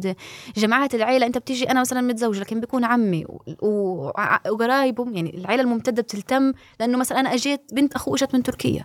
فما بنلتم كل جمعة لازم نلتم نقعد مع بعض ناكل مع بعض. آه، العيلة هيك في في تماسك مش طبيعي في غزة. تماسك يعني أنت بتمشي في الشارع طبيعي صاحب المحل يعرفك. يعني لسه أول امبارح استشهد شاب اسمه علي عش... علي الشعراوي. نعم. هذا الشاب قرصون في مطعم. لكن أنا بعرفه من أيام ما كنت سنة أولى جامعة. أنا من أول ما بلشت أدرس لأنه ما كانش في كهرباء. كنت أروح صراحة على هذا المطعم خصوصا أقعد أشبك الكهرباء وال... وأستخدم المكان فأنت بتعرف أنت حتى ده بني آدم صار بتعرفه منيح. كان عندي طفل صغير ياخده عني يلعبه آه، يضحك مع الناس يصور هو اللي يصور الناس. غزة كلها بتعرف مين علي علي الشعراوي هذا فأنت حتى هذا الشخص أنت أي شخص في غزة معروف يعني الناس بتعرف بعض كلها بتعرف بعض كلنا عائله واحدة. لما تحكي لي معلش أنا في ناس بيحكي لك ما غزة 2 مليون و300 بن 300 ألف بني آدم. يعني لو راح 100 ألف مش حيأثر كتير يعني تمام؟ لا أنت بتحكي على 100 ألف 100 ألف موجودين في كل له جزر في كل بيت. ما فيش انت مش مدينة كبيرة هي قديش 360 360 كيلومتر مربع. يعني المدينة كلها صغيرة متداخلة اللي اللي برفح بيعرف تاع بيت حنون بيت حنون بيعرف اللي في رفح الناس بتعرف بعض بشكل رهيب. يعني انت لما تمشي أنا أروح على رفح بيطلع فيك بيقول لك آه انت مش من هان. يعني انت أكيد جاي من يعني بيعرف انك انت جاي هاي المنطقة مش من سكان هاي المنطقة. لما تمشي في حارة مش حارتك الناس بتعرف انك انت مش من الحاره هاي. لما تمشي في السوق الناس بتعرف خلص ما دام انت طلعت مرة على التلفزيون بتصير خلص بتعرفك بت بتكلمك الناس تضحك لبعض. يمكن أنا هاي كتير استغربت منها أول ما جيت على تركيا. بتمشي ناس ب... في في جمود بين برا برا غزة. إحنا في غزة بنمشي صعب ما نكلمش بعض. لو واحدة بتحكي مع بنتها أنت بتشاركها بالحوار. أنت بتحكي مع ابنك بعيط بيجي واحد بكلمك و... وبتدخل. ممكن واحد يعطي ابنك حاجة. الناس بتحسها عائله كبيرة وعايشة مع بعضها. هيك. يعني ما فيش فيش اللي تحس حالك إنك أنت لا أنت منعزل أنت هيك كوكب لحالك بت... أنت لو مرضت لو أنت إحنا في غزة لو واحد حكى فيش عندنا مثلا ست كبيرة تكون حاملة أكياس ثقيله وماشية في الشارع. هذه ال- هاي الشغلة في غزة مش موجودة. أنت لما تكون واحدة تحمل أكياس ثقيله وتمشي عيب على الشباب الماشيه في الشارع ما تحملش عنها. يعني في تفاصيل اجتماعية م... م... بين الناس. ما بتنتهي. وتفاصيل كتير. يعني انت وجع البيت الجيران أنت ما يكون في عندك عزة في بيت الجيران ب... الشارع اللي بعده بيعملش فرح. بوقفوا ببعت بت- بتزوجوا بالسكت وخلص وبياخذوا إذن من العيلة اللي جنبهم إنه معلش سامحونا بس الموعد اليوم الفرح وبيعملوه على السكت. تفاصيل كتير كتير. المأتم كبير جدا. جدا و... و... ولا ينتهي. لا والجرح المشكلة نحكي عن كل ساعة بتمشي بتزيد. يعني شلال دم مش راضي يوقف. تفاصيل مؤلمة كتير انت ب... انت بتحكي لما تنقطع الاتصال يوم انت بتعرف انه بعد ما ينقطع الاتصال بتستنى مين وأنا بحكي معك أنا صدقني مش عارف مين اللي مين اللي عايش ومين اللي ميت من, من المحيط غير اللي بعرف اللي بتواصل معه بشكل مباشر اما انت بتحكي أنا لسه بستنى الحرب تخلص عشان تعرف مين من اصحابك عايش مين من اساتذتك مين من معلماتك في. اصدقاء لليوم يعني مش عارفين مش عارفين مصير اهاليهم طبعا في هذا هذا صديق مؤلم. يعني صار قصف تقريبا قبل أسبوعين على بيتهم وللآن مش عارف مين عايش مين ضل. آه، ما في ما في الجثث مش موجودة تبخرت يعني صارت أشلاء ومش عارفين حتى يلموا الأشلاء. أنا لي صديقه هنا من دار لولو أهلها استشهدوا امها عايشة لكن أبوها تحت الأنقاض وأخوتها كمان تحت. فأنت بتعرفي هي عايشة في تركيا هنا بتحكي لي إيه؟ تخيل أنت أنا بتخيل شعورها هي قاعدة في اللحظة هي بتفكر معقول أبوها فيها رو في روح لسه تحت الأنقاض ولا استشهد؟ أبوها بتعذب ولا في الجنة هلقيت أبوها قاعد مخنوق تحت الحجار وبينزف على البطيء؟ أنت متخيل هذا الشعور؟ أنت تكون قاعد مكانك مش عارف هو عايش ولا ميت؟ هو محتاج ولا مش محتاجني؟ هو جعان؟ هو عطشان؟ هو شو بحس هالقيت؟ تفاصيل كتير صعبة كتير كتير صعبة مش متخيل. يعني قد ما بدي أحكي لك إنه ممكن إنسان يفهمها مش ممكن يفهمها غير اللي جربها. أكيد. مش ممكن حدا يستوعب الألم هذا والجرح هذا أنا كنت في الحرب 2014 بتذكر اجى طفل صغير كان عمره ست شهور لليوم بتذكره. متص... شهيد والدماغ عنده طالع يعني راس بس فارغ من كل شيء جواته. وهيك محمول شهيد. أنا كان عمر ابني ست شهور فترتها في هاي الحرب. طب أنا بروح على البيت بطلع في ابني هيك صرت تعرف كيف الأم اللي عندها هوس بدها تخبيه يعني أقل ما فيها لو بده يستشهد ما يصيرش فيه هيك. لا ما, يتفتتش بهي الطريقة ما, ينأذاش ما يصيرش بهذا الشكل. مش هيك شكل أطفالنا مش بهذا الشكل. انت البيبي الصغير لما بدك تحممه بتكون مية خوف بتسكر الابواب وبتشغل الدفاية. الامهات بيعرفوا هاي التفاصيل. لما يكون ابنك عمره شهر وشهرين وبدك تعمل له بدك تحممه بتسكر الغرفة وبتشغل الدفاية وبتحس المية 100 مرة واوعك تكون سخنة وانتبه ومش عارف. بنموت خوف على صغارنا. لكن أنت بتخيل إيش بصير فيهم هالقيت لما بيبي عمره أسبوع وايام قاعد بيقيموا عنه الردم هذا الطفل ما ينفعش يجي عليه غبرة الهواء البارد ما يجيش عليه. انت بيقيموا عنه الردم والحجار. تفاصيل هاي أنت بتخيل أنا كأم أشوف هيك مشهد أتخيل ابني ينحط بهيك موقف كتير كتير صعب كتير مؤلم. أستاذ هدى أستاذ هدى أنت على تواصل مع كثير من الصحفيين هناك. صحيح. وهي صراحة يعني قصة الصحفيين يعني هي صورة من صور المعاناة التي لا تنتهي أيضا. يعني هاي أعتقد إنه أكثر حرب بيستشهد فيها صحفيين على قد ومصورين. من يوم ما بلشت الانتفاضة لليوم اللي استشهد يوازي عدد الناس اللي راحت من يوم الانتفاضة من يوم الانتفاضة من سنة ال 2000 يعني كم شهيد استشهد صحفي اللي راحوا في الأيام هذه ال 40 يوم 45 نعم. يوم بوازي نفس العدد تخيل أنت قديش الإجرام امبارح كان ثلاث شهداء صحفيين. استشهدوا فلا كيف كيف كيف بغ... يعني كيف يعني قادرين يعني يواكبوا هذا الشيء كيف قادرين يناموا كيف قادرين طبعا هو صحفي أكيد هذا مش مروح على بيته زي الطواقم الطبية يعني أكيد. والأطباء. كيف قادرين يدبروا يومهم؟ كيف قادرين يأكلوا؟ وين بيناموا؟ كيف أنا متخيلة. كيف قادر يتحمل كل هذا كل هذا الألم؟ اللي بحاول ينقل صورته للعالم. يمكن أنا مش احكي بديش افتي بحكي لك بس من واقع التجربة. بحكي يمكن على الرغم إنه بحكي لك الحروب اللي عشناها لا تسوى شيء مقابل الحرب اليوم موجودة. لكن أنت لما تكون قاعد في المستشفى بتشوف قبالك آه، شهداء وأشلاء ومناظر كثير مؤلمة. في لحظة بتحس حالك أنت بتش... جواتك في حاجة هيك بتنفصل عن الواقع بتحس حالك أنت تعرض لصدمات ورا بعض. يعني حتى الواحد بياخدش نفس إنه يستوعب شو بصير. يعني أنت بتشوف أطفال صغار نساء آه، قرايبك آه، شهداء آه، بتروح بتصور بيطلع لا أخوك ابن أخوك ابن عمك مستشهد. هذه هذه المشاهد أنا أنا أنا جدا حزينة والله على الصحفيين وحزينة من اللي حيعيشوه بعد هيك خصوصا اللي هاي أول حرب يغطيها. يعني في أكثر من اسم شاب ولا ناشط هاي أول حرب إله. أنا جدا بفكر بعد ما تخلص الحرب هذا شو راح يعيش. مش متخيل انت قديش الحياة بتكون صعبة. مش متخيل أنا يعني أنا عن نفسي آخر حرب قلت لك 2014 أنا اليوم لو بدها تنحرق معي خبزة وأنا بسخنها وأشم ريحة الخبزة بتنحرق بدخل في أزمة نفسية. بتذكر أنا لما اجى كان زميلي الصحفي في فضائية الأقصى طلع يصور وأنا في مستشفى الشفا ورجع متفحم فحم فحم يعني ريحة الحرق الجثمان هذا حرق الجثة. الريحة هي بتطلع من ريحة الأكل لما ينحرق معك خبزة تنحرق معك بتشمها هي نفسها. فأنت متخيل أنت كم سنة صار لي؟ لليوم أنا بقدرش اتجاوز هاي الأزمة. أنا لليوم بدي أحط رأس على المخده بشوف منظر الأشلاء. بتعيش أزمات كتير صعبة. قد ما أحكي لك ولا يمكن لو بدك تحكي لا تعالج روح عند أخصائي نفسي وتعالج. صعب. الأزمة اللي بتعيشها والتفاصيل اللي بتعيشها ولا يمكن إنسان طبيعي مش ممكن إنسان ضل بعدها طبيعي. فأنا بتخيل لما الشاب يصير صار له أكثر من 40 يوم عايش في مستشفى وقاعد بين الأشلاء وبين الشهداء وبس بيشوف صرخات الأطفال. أنت عارف صرخة الإنسان لما يشوف يشوف واحد واحد بودع واحد؟ هذا المشهد بهد الصخر. مشهد كتير كتير مؤلم. وانت مش عارف تعمل حاجة. عارف إنك غير إنك بتوثق وبتصور وعارف إنك أنت لازم تنقل هاي الصورة. لو أنت لو ما نقلتهاش بالنهاية حكاية قاعدة بتضيع. أنت نفسك كل شهيد بيجي في غزة تصوره وتنشره. نفسك كل العالم تعرف كل واحد في غزة كيف كيف مشهد استشهاده كيف مين عيط عليه مين اللي مين الموجوع عليه. فهي التفاصيل المؤلمة الصحفي بصير حاسس حاله بأمانة إنه بخاف ينام بخاف ينام تضيع عليه الصورة بخاف يروح مكان يبعد شوية طب في مشهد طفلة صغيرة ما صورتهاش كان ممكن العالم تشوفها كان ممكن يأثر بحد. ورغم هيك يجي يطلع مثلا يكتشف إنه والله العالم مش مش كتير منتبه أو مش كتير شايف الموضوع أو يطلع لك يطلع لك واحد عربي خصوصا الموضوع هذا كتير مؤثر. إنه يطلع واحد عربي يتكلم إنه أنا فلسطين مش قضيتي وأنا بالنهاية مش حقدر أتحمل إنه بالنهاية لو اكتشف بدي أضل عايش بالضغط النفسي. طب أنا لمين بصور؟ أنا أول أول كلمة بتسألني إياها أختي لما ارن عليها بتحكي لي الناس إيش بتحكي برا؟ يعني نفس الناس غزة مقطوع عنهم الأخبار ما بيعرفوش أي شيء بياخذوا منا الأخبار. مين استشهد؟ مين عايش؟ وين وصلوا اليهود؟ ما بيعرفوش أي شيء مقطوعين عن العالم. فأول كلمة بتسألني إنه شو الناس بتحكي عنا وثاني سؤال في هدنة ولا فيش هدنة؟ بتخيل فأنا شو بدي أحكي لها؟ شو بدي أحكي لها؟ مضطر أحكي لها إنه لا العالم كله هو حرفيا العالم الغربي للأمانة في في في مسيرات. أنت بنشوف كيف في بريطانيا بنشوف في برشلونة في مسيرات بالملايين بتطلع الناس لكن على مستوى العالم العربي حتى مسيرات الجمعة بطلنا نشوفها. حتى الجمعة اللي كنا نقول معلش يوم أسبوع عن أسبوع ممكن تزيد الغضب الشارع العربي يثور أكثر بطلنا نشوفها لأنه للأسف إحنا في المجتمع العربي تحت أنظمة وحكام تحركوا بالسياسة الأمريكية والإسرائيلية. شو بدها اليوم؟ صعد أو ما تصعدش؟ احكي أو ما تحكيش. غير إنه لا ممكن يتعرض اللي بيتكلم للحبس الاعتقال اللي اللي بدعي صرنا نشوف اللي بيطلع بدعي بده يعتقل. مش حتى يطلع مظاهرة اللي بيطلع بدعي يعتقل. وإحنا شفنا كثير مشاهد. أكيد. في مناطق كمان يعني أضف إلى ذلك إنه في مناطق الآن يعني في شمال غزة إذا كنا بنحكي قاعدين عن الصحفيين ونقل الصورة يعني مثلا شمال غزة وشمال المدينة أيضا ما في أصلا بطل ما في موجود صحفيين ما في عدسات تنقل الواقع. بعد موجات النزوح يمكن ما ضل صحفيين. صح.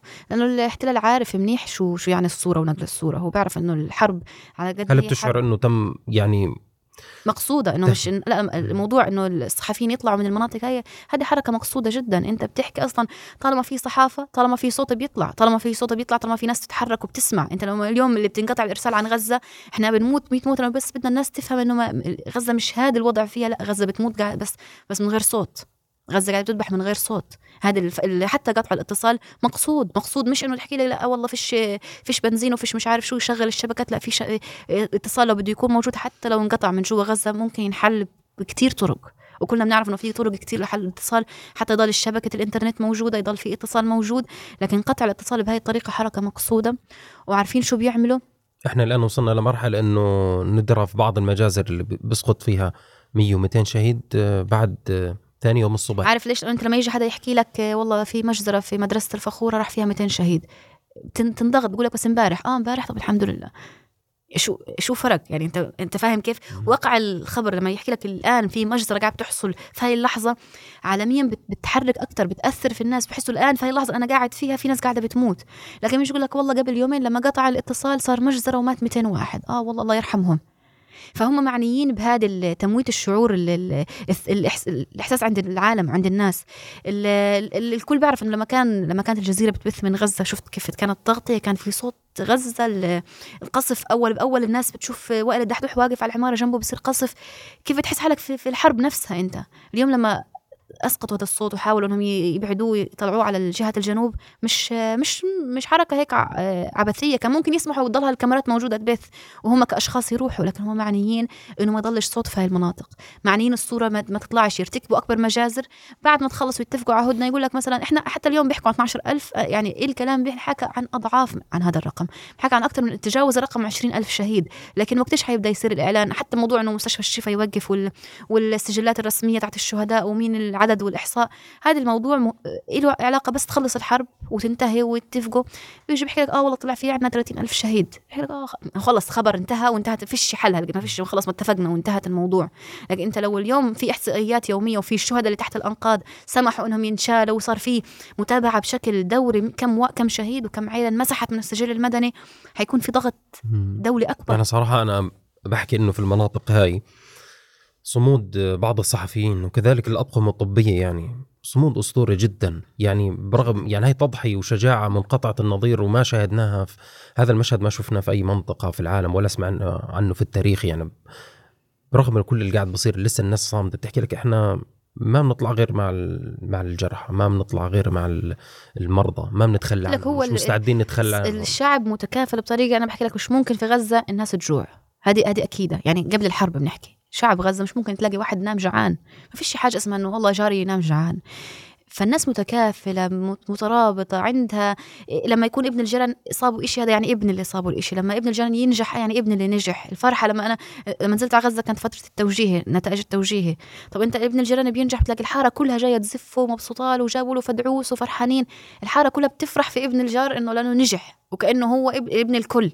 ولما يصير حدا عنده أي أي أذى بصير كأنه عند الكل.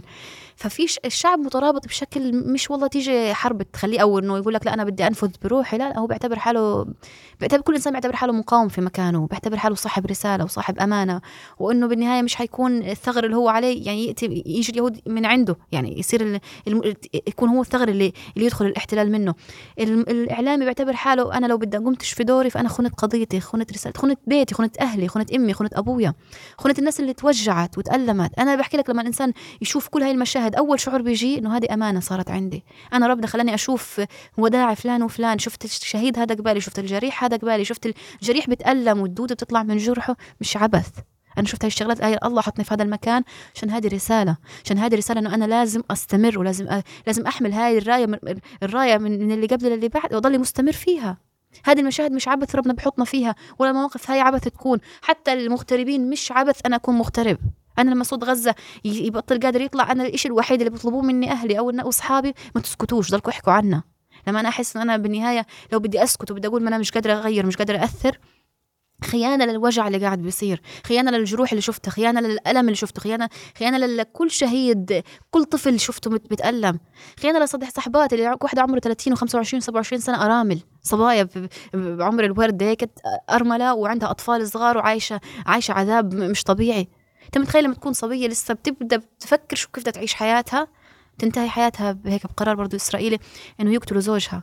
يجي ابنها يحكي لها أنا بدي كل الأطفال بيجوا في المدرسة أبهاتهم بيجوا ليش أنا ما عنديش حدا يجي يعني؟ ليش ليش بس انت؟ أنا في مدرسه يعني مدرسة أولاد. أنا بدي أبويا اللي يجي يسأل عني. أنا أنا الطفل الصغير مش فاهم أنا بدي أبويا أنا ليش ابويا يروح مني؟ هيك هيك هيك سؤال بس أنا ليش ابويا يروح مني؟ طب أنا إيش بدي أعمل؟ طب ليش أنا؟ تخيل الأم تيجي قبال أسئلة زي هيك مصيرية. كل هاي المشاهد ما بتستحق الخذلان اللي قاعد بصير يعني. ما بس لا لأن غزة لا. تترك يعني وحدة تقاتل. لا. لا وقلنا هيك إنه إحنا بنحكي قضية المسلمين كلها. اليوم غزة لو بدها تسقط أنا كنت بحكي دائما غزة إذا بتسقط اليوم كل دولة تيجي تستنى الدور لأنه الاحتلال الإسرائيلي رسمت هو مص... الخطة تاعته مش فلسطين خطة على الم... على الوطن العربي. هو هيك مفكر هو شايف الأردن وشايف سوريا وشايف مصر وشايف لبنان من حقه شايف إنه هاي الدول إله. فاليوم إذا بتسقط غزة بكرة مصر بكرة سوريا بكرة الأردن بكرة لبنان. فالناس بتفكر إنه لا الموضوع بس موضوع حرب داخل غزة وحماس وصار 7 أكتوبر. لا مش صار 7 أكتوبر. غزة قبل الحرب كانت عهد على المرصد الاردن المتوسط حكاها. اللي بدخل لغزة من أكل وشرب محسوب سعرات حرارية الحد الأدنى. إنه لا يضل المجتمع جعان إنه يثور. تعرف ثورة الجياع ما هي ثورة قوية حتكون. ولا إنه إنه يكون برضه عايش مرتاح. يضلوا هيك يعني. عارف مسمح له على قد ما إنه يضلوا على قيد الحياة. هذا قبل الحرب. انت متخيل انه شو بدخله من شرب مية من بنزين من من من أكل من قمح محسوب السعرات الحرارية على كل فرد قديش بيلزم يكون عنده. انت بتحكي عن إنه الشباب لما يصير عدد خريجين بالعدد الهائل هذا مش موجود مش موجود لهم وظائف ولا موجود لهم أي أي مستقبل ولا أي أي أفق غير إن الموضوع الأيتام الأرامل الألم في غزة في كل مكان. فالناس لما تيجي تحكي كيف كيف متحملة ليش بتقول لك في ده الوطن؟ أنا عارفة إنه الموضوع هذا يا إما إحنا بعد هيك بدنا نعيش محترمين يا لا هي حرب يا إما نعيش بعدها محترمين يا إما نستشهد بكرامتنا. أما الإنسان شعب غزة كريم قلت لك وشعب متحملش هذا الذل متحملش يعيش مذلول إنه أنا شاب عمري 30 سنة مش قادرة أطعمي مش قادرة أتزوج ولا رجل عنده أولاد مش عارف يطعميهم ولا عارف يدرسهم ولا عارف شباب كثير نفسها تدرس جامعة بال بال بالحد يعني مثلا بعرف كثير شباب نفسهم يدرسوا طب جايبين من أوائل 99 و98 لكن أبوهم مش قادر يدرسهم ما فيش ما فيش ميزانية ما فيش ميزانية تسمح بهاي الشغلة بيضطر يدرس إيش ما يطلع معه توفر له منحة إنه يقدر يدرس يكمل المهم يتعلم المهم يكمل دراسته لكن مش بالشغلة اللي هو نفسه فيها ولا هو اللي اللي إنه حلمه اللي نفسه نفسه يحققه. ليش بعيش هاي التفاصيل كلها؟ لأنه غزة مفروض عليها حصار من 17 سنة. من يوم ما قررت تعتبر إسرائيل غزة كيان معادي من يوم ما قرر الفلسطينيين يختاروا يدخلوا انتخابات ويختاروا اتجاه معين يكون هو يحكمهم. كذبت الديمقراطية. انتخ... انتخابات نزيهة. قرر الشعب الفلسطيني والله أنا محتاج هدول الناس هم اليوم يحكموني. لكن إسرائيل عارفة إنه لما يجي فلان هو يحكم فهو مش حيضل مسيطر. هو محتاجها تعرف كيف كيف تعيش الضفة نظام الباب الدوار؟ طبعا. إنه أنا لما بدي أجي اليوم بدي آخذ فلان من داره أروح أجي اخذه أهل غزة عارفين شو يعني إنه لما يقول لك الموضوع حماس لا الموضوع مش حماس و... وفتح و... و... لا الموضوع عارف أهل غزة بيعرفوا إنه لو بدها ترجع إنه غزة بدها تصير زي حال الضفة مش حياة هاي. أهل الضفة بيعانوا معاناة مش طبيعية. أنت بتعيش في دارك اليوم عايش بكرة بيجي اليهود من نص دارك بياخذك وبيطلع. ما عندوش أي مشكلة. من وين ما تكون ما تكون في الضفة بيجي بياخدك وبيطلع. فأنت في غزة عايش. أنا بحكي لك في غزة بتطلع لو في نص الليل تمشي في الشارع بتحس بأمان. انت لو بنت تطلع في نص الليل تمشي تطلع أي مكان من بيت لبيت الأمان اللي بيعيشه الناس في غزة مش مش موجود في أي مكان. أنا بحكي لك أنا كنت أطلع أتحرك أخذ الصغار نطلع في نسهر في الليل نقعد في على البحر. ما بتحسش بأي مشكلة. فيش خطر فيش لا الأمان موجود في كل مكان. الأمن التفاصيل هاي كتير هاي بدهم مش الاحتلال الاسرائيلي لا بدوش هذا بدوش هاي طبيعة الحياة هاي بده لا يضل هو لما يجي هو السلطة تيجي تحبس من عنده واحد بعدين تخلص منه تتسلموا إياه هذا كان عليه أي شبهة. إيه، في أي حدا بده يتحرك. أنا بتذكر والدي في كان بحدثنا في سنة ال... قبل 2000 كان قبل ما يطلع تركيا يدرس يعمل تخصص في الطب عمل حملة نظافة في ح... كنا في حي الزيتون ساكنين. فعمل حملة تنظيف الحي إنه هيك حملة ملاش أي علاقة في أي بعد سياسي. هيك حملة تنظيف الحي تكنيس وترتيبه. ثاني يوم كانت السلطة معتقلاه ليش؟ لأنه أنت يوم تعمل حملة تنظيف حي بكرة بدك تلم وراك الناس. فأنت متخيل كيف؟ إجوا إحنا أنا أنا بتذكر كنت في الروضة في هذاك العمر كسروا البيت ودخلوا اعتقلوه وحققوا معه لانك ليش؟ ومين اللي حركك؟ ومين؟ أنت متخيل؟ هذه مش حياة برضه هذا اللي بتمتلكه غزة و... ونتمنى إنه كل منطقة يعني في آه. فلسطين الأمان اللي عايشينه الآن وإحنا بنعيش وبنتحرك اللي بده حتى اللي بده يعترض. أنا كنت أنا نزلت في غزة فترة كان في مسيرات وكان في شوية مظاهرات إنه معترضين على الوضع الاقتصادي وهيك. الناس بتحكي براحتها بيطلع الواحد بيكتب على الفيسبوك مجلد طويل بيحكي فيها إيش ما بده ما حدا بيكلمه ما حدا بيجي بياخده بيسحبه. فهذه هذه الحياة وهذا الأمان الضفة محرومة منه والاحتلال الإسرائيلي بيحاول يخلينا بنفس الآلية. هو بيحكي الآن مستحيل يخلي الحكم على ما هو عليه. هو بفكر بآلية. حتى مست... حتى الضفة مش عجباه هو لسه بده بده أتعس من هيك بده بده آلية إنه وقت ما بده يفوت ياخذ ياخذ آه، السياسة هي اللي المرجعية تكون عنده. السلاح يكون بإيد الاحتلال الإسرائيلي وحده. تكون في سيادة كا... سيادة لهم على على قطاع غزة. هذا اللي بيطمح له وهذا اللي مستحيل يصير. مستحيل يصير. أكيد. من شعب عاش كل هالوجع. ودفع هذا الثمن الثمن لما كل ما يغلى الثمن كل ما بتصير المطالب قباله كتير كبيرة. أنت بتحكي عن عن ثمن كبير بتحكي عن كم شهيد لليوم راح كم بيت انهدم كم حلم انوقد ولسه ما, ما بلشش كم كم طفل كم كم إنسان مجروح الآن في غزة وكم إنسان مذبوح في غزة. كيف ممكن الناس تتجاوز كل هاي الصدمات بعد الحرب؟ أنا متخيلة تجاوز الألم كتجاوز ألم ما بقدرش أحكي فيه. أنا عن نفسي بحكي صعب صعب كثير الألم اللي بيعيشوه صعب إلا لو كان الثمن اللي بعد انتهاء الحرب يكون ثمن كبير. جبر يكون يجي جابر للوجع الموجود. أقل ما فيها نحكي ما راحش اللي راح ببلاش الا ربع لا والله. يكون في إلها بعد هيك حياة محترمة. أنا لما بدي أحكي بعد هيك بدي أنزل بدي أرجع على غزه وقت ما بدي أرجع بدي أرجع. بدي أطلع من غزة وقت ما بدي بدي أطلع. بدي أطلع سياحة. أنا جاي بدي أطلع سياحة أروح ألف زي ما كل العالم بقرر إنه الصيف هذا بدي أطلع أصيف في مكان بدي أطلع. بس بدي أرجع. بدي أعرف إنه أنا لما بدي أطلع من هذا الباب بدي أطلع منه وأفوت مباشرة. مش مش بدي أقعد أتبهدل على المعبر وبدي آخذ رفض مرة ومرتين وثلاثه وبدي أبات في الشارع بأولادي وبدي أتبهدل بعدين بدي يمكن أفوت يمكن ما أفوتش. هاي التفاصيل اللي بيعيشها أهل غزة لازم تكون تكون هذه الحرب هي نهاية هذا الوجع نهاية هاي البهدلة نهاية هاي المأساة نهاية هذا الذل اللي, اللي, بنعيشه. أنا بحكي لك على على أطفال غزة يمكن من الشغلات اللي انتبهت لها أول مره أول ما طلعت على تركيا. جذبني الأطفال هنا الناس برا غزة؟ الأطفال بيضحكوا. بتعرف الضحكة مختلفة. الطفل تعرف لما تحس ان الطفل الصغير بيضحك وبيلعب وهيك أنا بطلع في في المترو كنت أشوف الشباب حاطين السماعات ومبسوطين وعايشين. أنا بطلع طب أنا ليش؟ ليش إحنا ما نعيش هيك حياة؟ ليش ابننا ما يعيش هيك تفاصيل؟ ليش الطفل الصغير ما يكونش مبسوط بهاي الطريقة ويلعب بهاي الطريقة؟ ما يفكرش بجدول الكهرباء وقتش بده يجي. جدول المية متى بدها تيجي؟ اللي في دفاية ولا فيش دفاية الليلة؟ ينام بالبرد. اللي يعيش طول المست... عارف أنا الأطفال في غزة موضوع النزلات المعوية والأمراض والفشل الكلوي والأمراض السرطان منتشرة في غزة زي زي الأوبئة. والآن بعد الحرب طبعا هذا بزيادة. لكن أنت بتحكي أنا أنا رب أنا ربيت طفل في غزة وربيت طفل خارج غزة. طفلي في غزة تقريبا عاش ثلاث أرباع الحياة في المستشفيات. في كل شوي عنده نزلة معويه ليش؟ لأنه الميه المية مش نظيفة اللي بنشربها. الأكل مش نظيف. الأكل ملوث.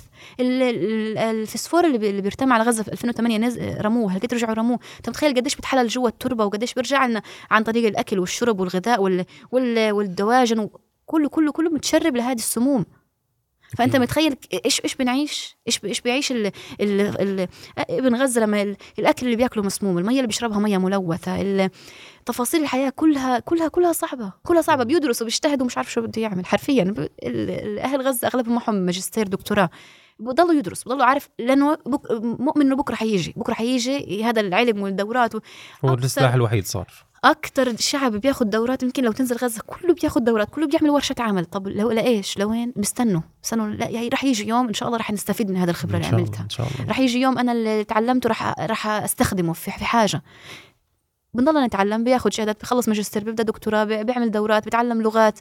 يمكن حتى في الخارج لو بدك تسأل شباب غزة كتير بيشتغلوا عن طريق عن بعد المونتاج التصاميم الترجمة ال voice over كل الشغلات اونلاين بحكي لك شباب غزة ناس مبدعة عندهم لمسات فنية حلوة. يعني حتى في الديكورات أنت بتنزل بتشوف الكافيهات الأمانة لمسات إبداعية بشكل مش طبيعي. بتحس عندهم طاقة وأفكار وطاقة إبداعية رهيبة صحيح. لكن مكبوتة مسكر عارف إيش يعني؟ الناس محاطه سجن مسكر- كبير. سجن مسكر. الناس بتحاول تتطور وفي عندها طاقة وعندها طموح. المشكلة كل ما يكبر الإنسان طموحه ويكبر أهدافه ويكبر بحس حاله بنخنق أكثر بحس. بحس المدينة بتخنق فيه أكثر أنت بتحكي طب أنا أنا بديش أسيب غزة. أنا أنا ليش أروح أتغرب؟ ليش أعيش في غربة؟ واحد يجي يقول لي أنت أجنبي ولا أنت مش أجنبي ولا أنت؟ لا أنا عايش معزز مكرم في بلدي وعندي بيتي وعندي إمكانياتي. بس أنا بدي أطلع زي ما الناس بتطلع بتسافر أروح أتعلم آخذ دورة أحضر مؤتمر ارفع عن حالي. أنا بدي ارفع عن حالي وأرجع عايشه أرجع على مدينتي طبيعي. انت أنا مش مش والله واحد عالة أنا بدي واحد يجي يعطيني آه، آخر الشهر آه، الشؤون الاجتماعية عشان آكل وأشرب. لا أنا عندي إمكانيات أنا متعلم وعندي شهادتي وعندي خبرتي وعندي إمكانياتي.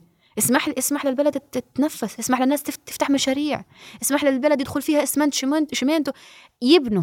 يطوروا من المدينة. أنت بدخل بدخل على القد يعني أنت لو واحد بده يبني بيت بيقدرش يبني بيت. فيش إعمار. أنت بكم من كم سنة الاعمار بيصير بس عن طريق المؤسسات الدولية؟ بيعمروا شارع بيعمروا. مدينة مدينة سكنية. وكل شيء كل شيء بدخل القطاع محسوب. محسوب. وفي ناس بتنفذها وبتروح. مم. أنا لو بدي أعمل على بيت الشخصي بدي اعمل لا بدك تلف عشان تلاقي لك كت ش- شمينت عشان تقدر تبني. تظبط غرفة زيادة. تظبط حاجة زيادة. طب طب ليش ليش أعيش هذه المأساة؟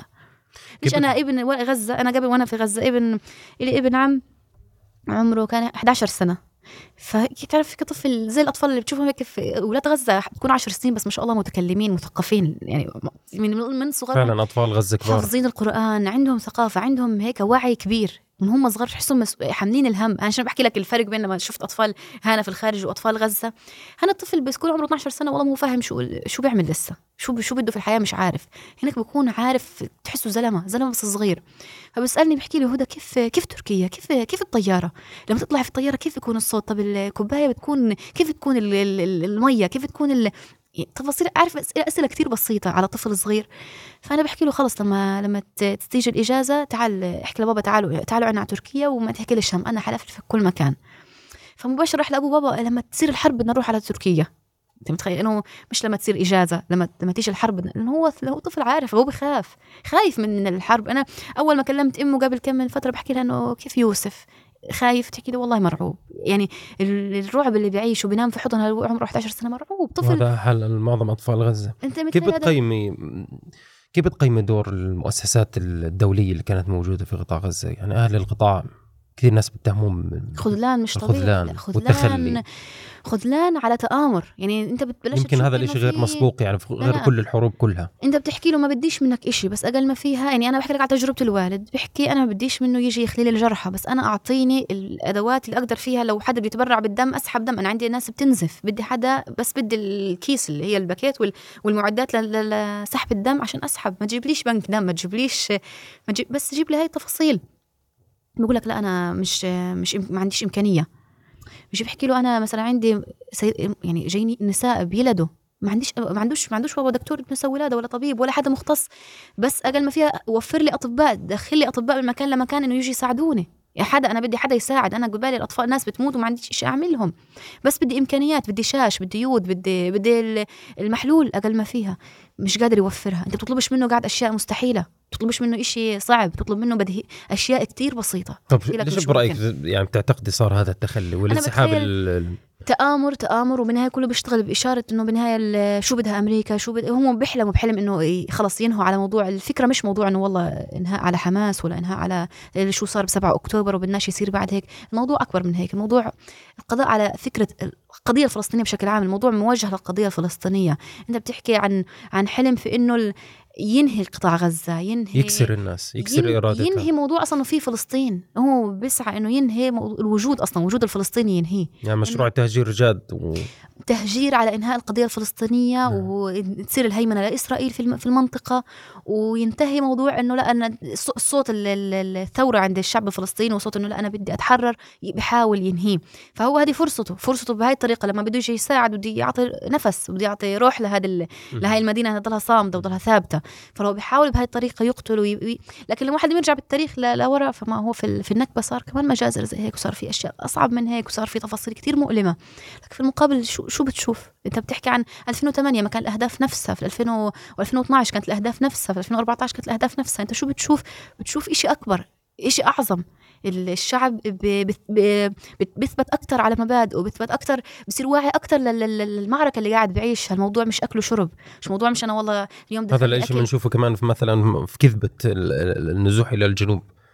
مثلا بيدفعوا الناس للنزوح مم. وهم على الطريق بيضربوهم قبل ما يوصلوا أصلا صح. وإذا وصل بنقصف محل يمكن هاي. الشغلة بتخلي أصلا شعب غزة كله رايح على اتجاه رأي واحد إنه أنا اللي بيطلع بحكي لك كله فدا الوطن كله فدا المقاومة كله فدا فلسطين هو عارف شو بيحكي وعارف إنه قاعد بواجه عدو هدفه فلسطين وهدفه قط...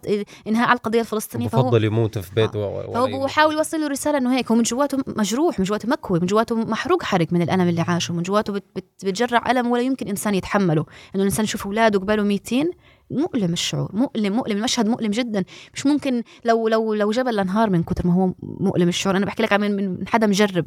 مش مش سهل إنك تشوف حدا أنت عايش معه العمر كله قبالك مستشهد فما بالك لما يكون عائلتك كلها مستشهدة كل أهلك رايحين. لما واحد يحكي لك أنا بيتي قعدت 40 سنة عشان أبنيه. عارف إن شأن 40 سنة واحد قاعد طول عمره يحاول يبني بيت لإله ولأولاده وكبر وصار عنده وبده يجوز أولاده وخلص حاس حاله ارتاح. بلش إيش يستقر؟ إنه صار في عنده بيت ل... للعيلة و... وأمن لأولاده شيء للمستقبل يروح كله بلحظة. يقول لك معلش فدا فلسطين. يمكن بتعرف هذا المشهد الرجال الكبير بيحكي لك. كله كله فدا فلسطين عشرات المشاهد. فهذا زي زي هيك مش انت بتخيل إنه هو لا مش مجروح لا هو. انت شفت ال- ال- الصوت كيف كيف مخنوق وهو بيتكلم لكن هو عارف إنه الاحتلال معني يكسره ومعني ينهي لكن فهو بخبي بخبي بكاء آه بخبي هذا بحكي هذا بحكي صمود أهل غزة. أهل ولا يعطي فرصة للاحتلال إنه يتشمت فيه آه، ويكسره. عندهم قوة رهيبة في إخفاء جروحهم وإخفاء ألمهم وإخفاء صرختهم في. مقابل ولا يخلي عدو يشمت فيهم ولا يخلي حدا يقول له آه، إيه، شوف كيف آه، بصرخوا كيف متألم وكيف عشان تعرف إيه، شو يعني إنك تواجه إسرائيل. لا هو بقول لك طب ماشي. اقتلوا دمروا اعمل بدك إياه. معلش فدا فلسطين. نعم. هذا ال- والحمد لله وهيك. هذه الرسالة اللي اللي انقلبت على الاحتلال عملت له زي صدمة نفسية. انت متخيل العالم كله حتى وصلت إنه ناس أسلمت تبحث عن كيف كيف هذا الإنسان صامد. كيف كيف صار إنسان بيشوف ابنه هذا قاعد. بيموت وبيتحمل؟ كيف ابنه الواحد لما ابنه يسخن في الليل بنمش وبصير ملموس وخايف ومرعوب. فواحد يشوف ابنه مستشهد قباله بيقول لك الحمد لله هذا غزة غيرتنا غيرتنا بشكل كبير وغيرت العالم أنا متخيلة. حتى لازم تكون غيرت طريقة تفكيرنا في في الحياة. يعني الان ال- هذا هذا آه. يعني بخليني أسألك إنه في النهاية يعني شو بتعتقدي ال- الدور أو المسؤولية اللي إحنا علينا ترتب ب- علينا إحنا الناس الخارج غزة بتخيل اللي غزة ما غيرت ما صحتهوش أو ما غيرتش مبادئه وأفكاره وكيف يتعامل مع الحياة يراجع يراجع ضميره يراجع أصلا إنسانيته هو كإنسان. أنا بتخيل اليوم حتى فكرة إنه تربيتنا لأولادنا لازم تكون اختلفت. اليوم لما لما تيجي ابنك يعيط حدا يتعدى عليه حدا تقول له لا معلش روح اشكي أو مثلا احكي له الله يسامحك لا مش الله يسامحك. اليوم بدك تعلم ابنك اللي بيعتدي عليه بيعتدي عليك اعتدي عليه. اليوم اللي حدا بده يأذيك أذيه. لما حدا بده يفتري عليك ياخذ منك حاجتك لما تسمح لهوش ما تسكتلهوش. هذه حاجتك هذه ملكك. بدك تعلم ابنك الصغير لما يصير لما لا لازم يعرف شو لشو عايش. هو خصوصا لما تكون أنت القضية أنت كفلسطيني أو غير فلسطيني. بتعرف شو يعني فلسطين؟ شو يعني الثوابت؟ شو يعني أنا شو يعني ليش بتصير حرب في غزة؟ وليش أنا لازم أكون معني في هاي الحرب؟ شو ليش لازم أقاطع؟ لازم أعرف إنه أنا ال- المقاطعة هذه أقل وسيلة إنه أواجه فيها. يعني أنت بتدعو إنه كلياتنا إحنا اللي برا ننخرط بهاي المعركة وما نترك غزة واحدة. نحكي فيه على كل الأشكال. بكل الأشكال بكل التفاصيل. يمكن إحنا بنشاهد اليوم ال social media بطلنا نشوف نصحى نشوف يوميات هذا صحي من النوم أنا اليوم صحيت وهي كوباية القهوة وهي شو شربت وشو وين أكلت وين بدي أروح. اليوم بتشوف حتى ال influencer الحرب هاي غيرت طريقة تفكير الناس غيرت تفسير الكلمات حتى المقاومة شو هي شو يعني مقاومة؟ شو يعني بشكل حتى على المجتمع العربي أو بشكل عالمي. شو يعني مقاومة؟ شو يعني أنت تحكي؟ شو يعني خذلان؟ شو يعني عار؟ حتى العار كلمة عار أنت صرت عارف. لما أنت واحد يطلع يحكي آه، عن المقاومة كلمة هذا هو العار. لما أنت تطلع تتكلم تعمل احتفال وتتغني وترقص والناس قاعدة بتموت في في في الدولة في مجتمع زيك عربي مسلم وهيك هذا هو العار. زمان كان الناس تفكر شو العار إنه والله واحد يطلع أي بشغلات بشغلات لا إخلاقية على ال social media هذا وهذا وهذا العيب وهذا العار. لا اليوم عرفت الناس شو شو يعني عار. عرفت شو يعني كرامة. شو يعني الإنسان يموت عشان أرضه؟ عرفت شو يعني أصلا؟ شو يعني الواحد شو الابتلاء؟ أنت لما تيجي تشوف الواحد قاعد بيضيع له كل هاي الشغلات أو بيفقد في هاي الشغلات وثابت وبقول لك معلش المهم. الناس عايشة لشيء أسمى أسمى من إنه اليوم آكل وأشرب وأعيش. لا بفكر بنهاية في آخرة في نهاية. في نهاية لكل هاي كل واحد في في غزة عايش لأنه عنده رسالة وهدف. فالواحد فكل واحد برا غزة بلش يراجع. أنا لشو عايش؟ أنا شو رسالتي في هاي الحياة؟ أنا شو المسؤولية اللي لازم أقدمها؟ شو شو دوري في هاي الحياة؟ شو مسؤوليتي؟ إيه يراجع أنا شو شو بربي أولادي؟ أنا لما أشوف ولد صغير ابن غزه عمره بيحكي كلمات كأنه زلمة كبير. بيتكلم بيوصف حتى بيوصف المشهد ليش أحكي؟ بيحكي شعر أو بيتكلم خطاب لا هو بيحكي. لما طفل صغير قاعد بيحكي أشلاء واخذناه وأختي وجر وجرحى الطفل هذا شو يعني؟ إنه هذا الطفل يعرف شو يعني أشلاء بهذا العمر؟ أنت اسأل أي ولد برا غزة قول له تعال شو يعني أشلاء؟ منون يفهموا الأطفال هاي المصطلحات. هاي هاي تفاصيل وهاي المعاناة اللي بعيشها ابن غزة وهذا الجيل اللي بتشوفه قبالك. اسأل حالك لما تشوف أنت ابنك عايش بدك تربيه. أنت سيبك لو أنت أنت نفسك. شو شو مسؤوليتك في الحياة؟ شو هدفك؟ أنت لو شو عايش؟ أنت مجرد إنك تطلع على ال social media وتعمل مثلا أنا شو أكلت اليوم؟ شو شربت؟ وتعالوا شوفوا اليوم طلعت على الجيم ومش عارف شو. طب وبعدين؟ بعدين إحنا بالنهاية عفوا الحيوانات بتعيش بتاكل بتشرب بتنام وهيك يعني أنت بدك تكون لازم تحط حد يا بدي أكون إنسان عندي رسالة وعندي هدف وعندي كرامة وعندي عندي مبادئ بدافع عنها وبعيش عشانها لأنه بالنهاية كلنا راح نسأل. عمرنا بشو أفنيناه وحياة وصحتنا بشو أفنيناها وساعات عمرنا بشو بإيش قضيناها. هاي الشغلات لازم نبدأ اليوم نعرف نلاقي اجوبه يوم تيجي يوم القيامة يجي يسألنا ابن غزه شو كنت تعمل لما كنت أنا قاعد بموت؟ لما أنا كنت بحكي لما كنت أنا مش لاقي المية أشربها لما كنت أنا بشرب المية الوسخة لما كنت أنا بشرب مية إيه، ريحتها طالعة وفيش أكل ولا في شرب ولا في إشي أنت شو كنت بتعمل؟ شو شو كنت بتساوي؟ انت شو شو اللي شو الدور اللي سويته لما أنا كنت ابن غزة وأنا قاعد بموت؟ لأنه بالنهاية أنا قاعد بدافع عن قضية قضية أمة عربية إسلامية. مش قضية واحدة. مش مش قضية أنا قاعد بدافع عشانك. لأنه أنا لما بدي أ... بدي أنهزم أنت بكرة حيجي دورك. أنا بدافع عنك قاعد. فأنت شو كنت تعمل لما أنا كنت بموت؟ هاي هاي الاسئله اللي قاعد اللي حتكون حنسالها بالنهاية. يعني قديش بدنا نعيش حيجي يوم بدنا نسالها لازم كنا نكون حاضرين حاضرين هذا الجواب. أكيد. عارفين شو لازم شو شو شو, شو بنعمل عشان خاطر أولاد غزة. إن شاء الله إن شاء الله أستاذة هدى. يعني هاي الرسالة توصل لكل إنسان حر إن شاء الله. ويسمعها كل إنسان عنده ضمير. وإن شاء الله تكون فعلا غزة هي اللي بتحيينا وبتعيد تعيد صحوة صحوة الأمة والعالم كله أجمع. وإن شاء الله يعني ربنا عز وجل ما يفقدك لا في عزيز ولا في حبيب وربنا يحمي أهل غزة جميعا. اللهم آمين يا رب. وينهي الحرب على خير وسلام ويحقن دماء إخواننا في غزة إن شاء الله. اللهم آمين يا رب. استاذه هدى نعيم شكرا جزيلا لك. شكرا. على هذا الحضور شكرا جزيلا. شكرا.